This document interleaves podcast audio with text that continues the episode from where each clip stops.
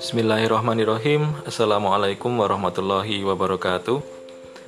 Selamat pagi teman-teman semuanya. Uh, Kembali lagi di kuliah online via podcast. Uh, Kali ini saya akan membahas di kesempatan kali ini Mengenai menulis artikel jurnal Ini saya pikir penting untuk kita sampaikan Karena ya salah satu tugas manajemen dakwah tugas UAS manajemen dakwah adalah membuat artikel jurnal. Dan yang ini yang akan kita diskusikan ini yang akan kita pelajari sampai akhir semester nanti. Uh, kenapa artikel jurnal? Karena bagaimanapun untuk bisa lulus dari IAIN teman-teman harus menulis skripsi. Eh, KPI misalnya belum ada skripsi diganti dengan membuat vlog begitu ya atau skripsi diganti dengan film pendek begitu. Tampaknya belum ada kebijakan ke arah sana. Dan kalaupun ada kita nggak tahu kapan gitu. Yang pasti teman-teman harus menulis skripsi. Skripsi itu riset. Skripsi itu riset. Skripsi itu penelitian di situ teman-teman harus membaca, teman-teman harus menulis, bahkan mungkin barangkali teman-teman akan turun ke lapangan bagi yang risetnya di lapangan. Artinya, teman-teman memang harus dibiasakan melakukan riset.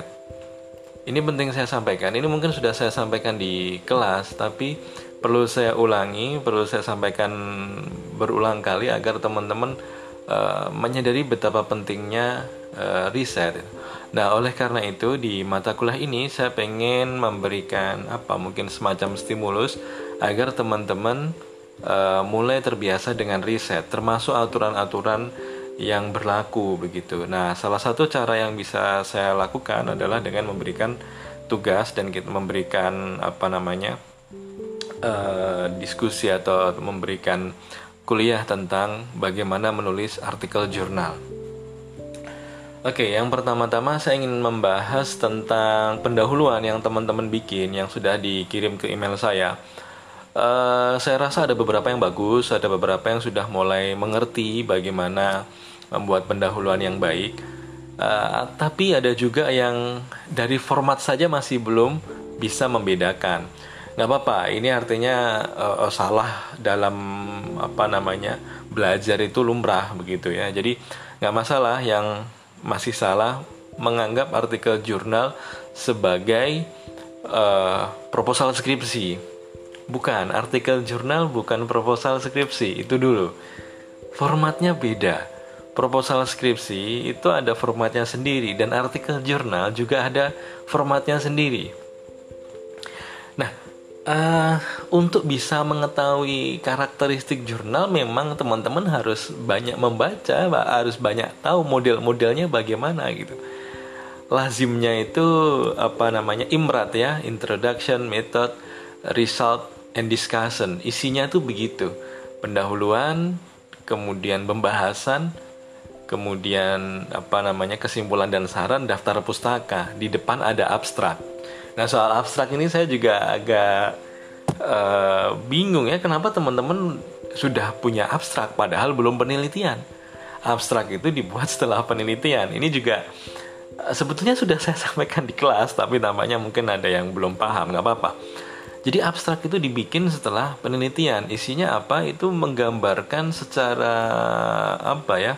umum bagaimana isi dari artikel jurnal kita gitu di situ kita mungkin bercerita metode kita kita ya, teori apa yang teori utama apa yang kita pakai terus kemudian kesimpulan itu ada di ada di abstrak gitu. Ibaratnya apa tanpa harus membaca full naskah artikel kita lewat abstrak itu eh, seorang yang ingin membaca atau ingin mengetahui tentang apa yang kita tulis itu sudah sudah cukup mengerti lah secara umum garis besarnya sudah tahu begitu Oke, kembali ke pendahuluan yang menjadi tugas saya kemarin itu. Di pendahuluan itu isinya gampangnya gini, latar belakang kenapa teman-teman menganggap riset ini penting, kenapa dilakukan harus harus teman-teman harus melakukan riset ini. Oke, biar nggak ngawang-ngawang saya ambil contoh begini. Ada yang ingin meneliti, katakanlah ya, analisis semiotik lirik lagu Aisyah. Ini lagi, yang lagi rame ya, Aisyah apa yang lari-lari uh, dan yang apa katanya so sweet uh, itu ya yang lagi rame yang menimbulkan kontroversi itulah ya. Uh, sampaikan di situ bahwa ada perdebatan bahwa lirik lagu Aisyah ini ternyata mendapatkan respon yang tidak tunggal. Responnya nggak tunggal loh nggak positif semua loh. Ada juga yang mengkritik.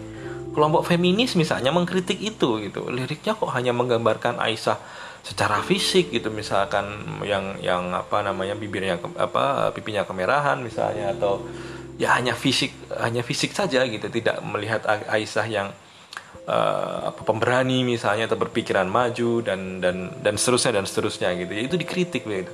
Artinya ada perdebatan. Itu sampaikan di latar belakang sehingga oke okay, ini riset menarik untuk kemudian kita uh, laksa, kita kita bikin riset ini itu penting gitu loh.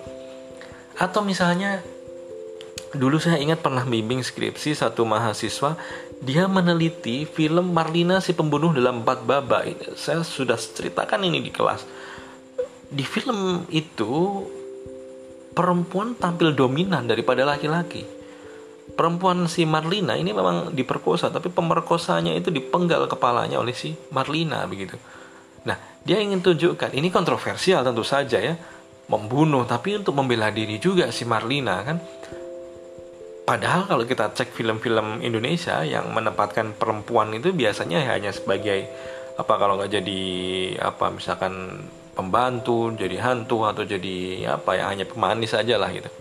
Nah ada film yang menarik Marlina yang ini juga kemudian uh, sempat menjadi perbincangan dan menang beberapa di beberapa festival dia dapat penghargaan. Nah semacam semacam itu ceritakan di pendahuluan itu yang saya saya belum temukan di di banyak tulisan teman-teman, mohon maaf teman-teman masih berada di wilayah yang normatif. Yang normatif itu misalkan dakwah adalah bla bla bla bla bla. Terus manusia adalah bla bla bla bla atau Islam adalah bla bla bla. Itu itu normatif dan klise. Itu jangan diulang lagi gitu. Jangan diulang gitu. Itu terlalu terlalu klise gitu. Langsung aja sih menukik aja gitu uh, misalkan tentang film itu ya. Sampaikan aja perkembangan film Indonesia bagaimana terus bagaimana uh, apa namanya kalau tadi di film Marlina itu tadi ya skripsi tentang Marlina tadi ya gambarkan tentang film-film yang lain yang ada di Indonesia. Misalkan ada Kartini ada siapa lagi ada siapa lagi. Nah itu dikasih gambarannya sedikit gambarannya. Sebagian yang lain memberikan apa stereotip tentang perempuan itu bagaimana begitu juga yang perlu teman-teman lakukan adalah studi literatur di apa namanya uh, pendahuluan itu. Penelitian-penelitian terdahulu yang meneliti tentang film itu bagaimana? Inilah kemudian pentingnya teman-teman uh, apa belanja. Belanja nas belanja artikel jurnal gitu.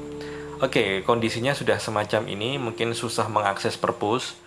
Ya salah satu yang paling mungkin dilakukan adalah belanja artikel jurnal itu yang saya pikir sangat mungkin dilakukan begitu. Dan ya bagi saya menulis artikel jurnal atau menulis skripsi nanti ya kuncinya itu ketekunan. Ketekunan teman-teman. Kalian nggak harus yang IPK-nya 3,9 atau 3,8 untuk menghasilkan skripsi yang bagus atau bisa menulis artikel jurnal yang bagus. Ya mungkin berpengaruh juga sih apa namanya uh, kemauan kita. Tapi yang bagi bagi saya yang penting itu adalah ketekunan.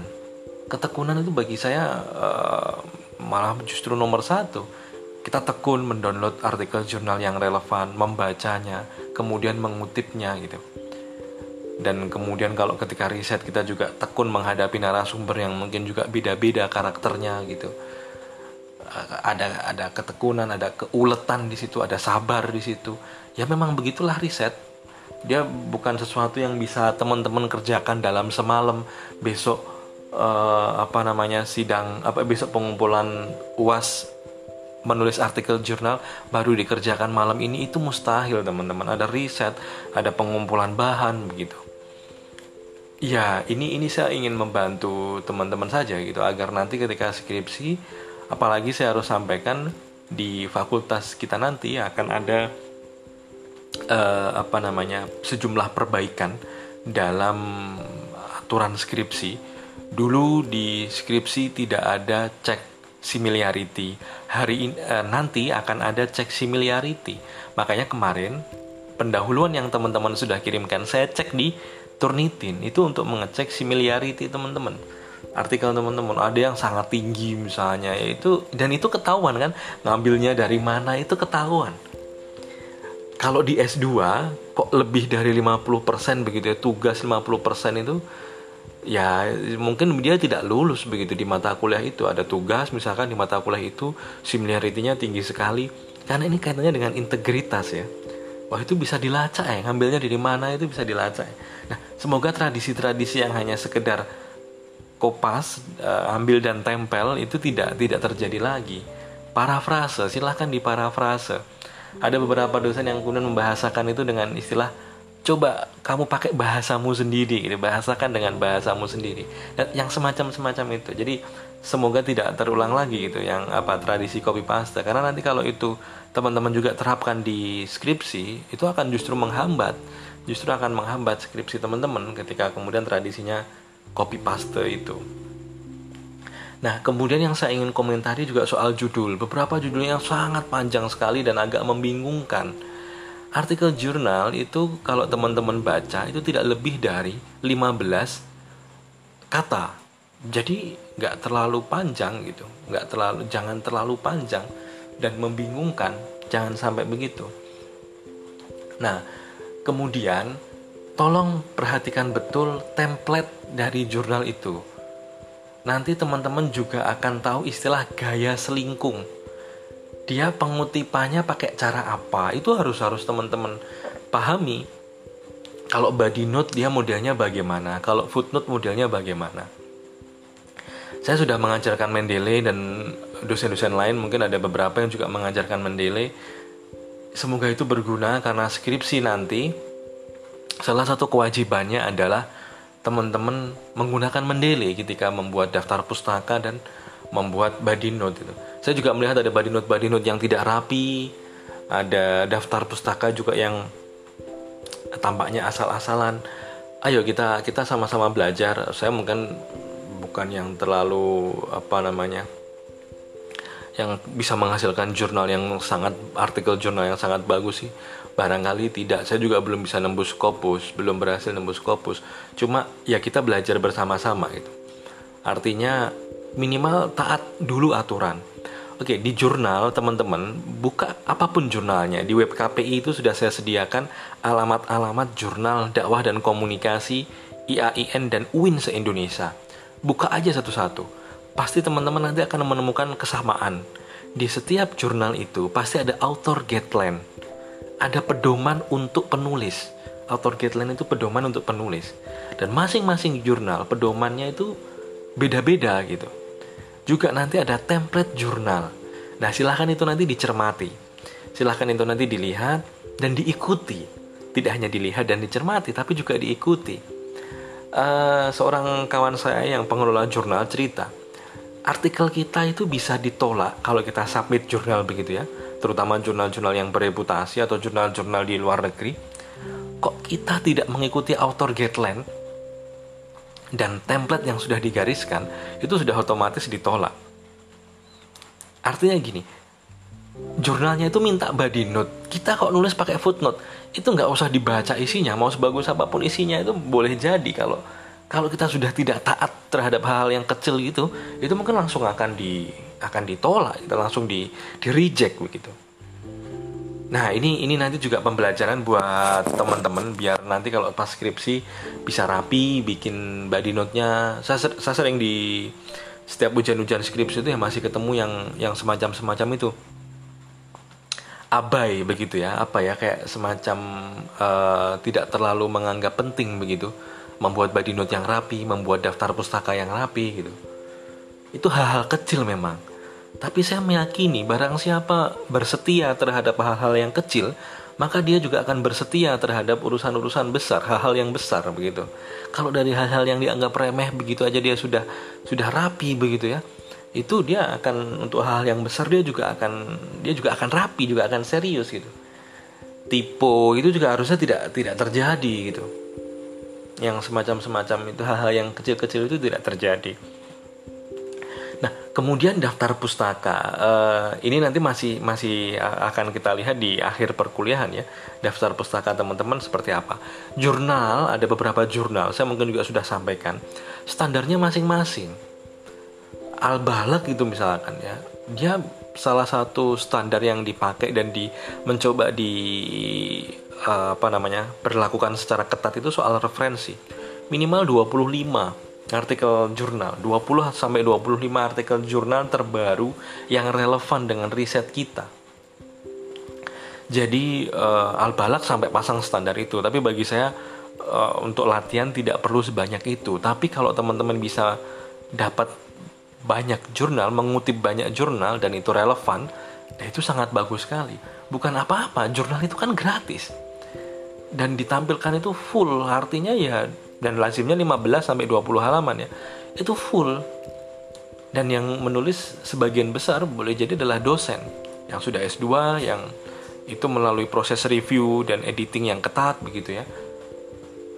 Artinya ya ayo kita apa mulai membiasakan diri akrab dengan artikel jurnal itu Uh, setahu saya nanti kalau teman-teman skripsi juga salah satu kewajiban adalah mengutip 10 jurnal, minimal 10 jurnal 10 tahun terakhir yang relevan.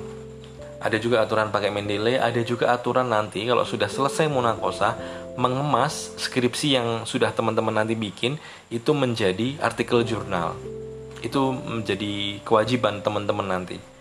Jadi setelah munakosah itu nggak terus selesai begitu nggak. Teman-teman revisi dulu masukan-masukan dari pembimbing dari penguji baru kemudian nanti eh, teman-teman akan mengemasnya menjadi artikel jurnal dan mensubmitnya. Nanti nama pembimbingnya di nama kedua.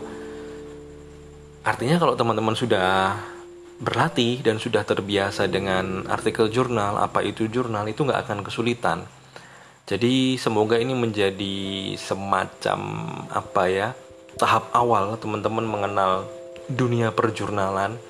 Uh, sekali lagi saya ingin sampaikan ini nggak berat, tinggal butuh ketekunan, kesabaran teman-teman dalam mencari referensi, dalam mengutip, dalam memparafrase begitu ya saya berharap nanti teman-teman punya banyak kuota untuk bisa download jurnal. Dan saya pikir juga tidak terlalu banyak makan kuota kok. Kalau ada wifi syukur-syukur ada wifi bagus kalau ada wifi. Uh, di situ teman-teman bisa download artikel bisa apa namanya uh, melengkapi referensi untuk tugas ini. Jadi saya kira itu dulu. Silahkan diperhatikan hal-hal detail semacam itu soal similarity, soal apa namanya Mendeley gitu. Hal-hal teknis saya mau teman-teman beres dalam hal-hal teknis dulu. Uh, kalau dari hal-hal teknis itu sudah beres, semoga nanti untuk hal-hal yang besar juga uh, teman-teman juga beres begitu. Adapun untuk riset, saya memberikan keringanan teman-teman tidak harus tetap muka, kondisinya memang begini, bisa lewat telepon, lewat WhatsApp atau apa pun yang pasti teman-teman bisa dapat data data ini juga penting sekali dalam penelitian, dalam riset. Uh, silahkan nanti kita akan diskusikan di uh, kesempatan berikutnya. Terima kasih, saya kira itu. Semoga teman-teman sehat selalu, semoga selalu diberi kesehatan, sehingga bisa belajar di rumah, bisa uh, mengikuti kuliah online dengan baik. Akhirul kalam, Assalamualaikum warahmatullahi wabarakatuh.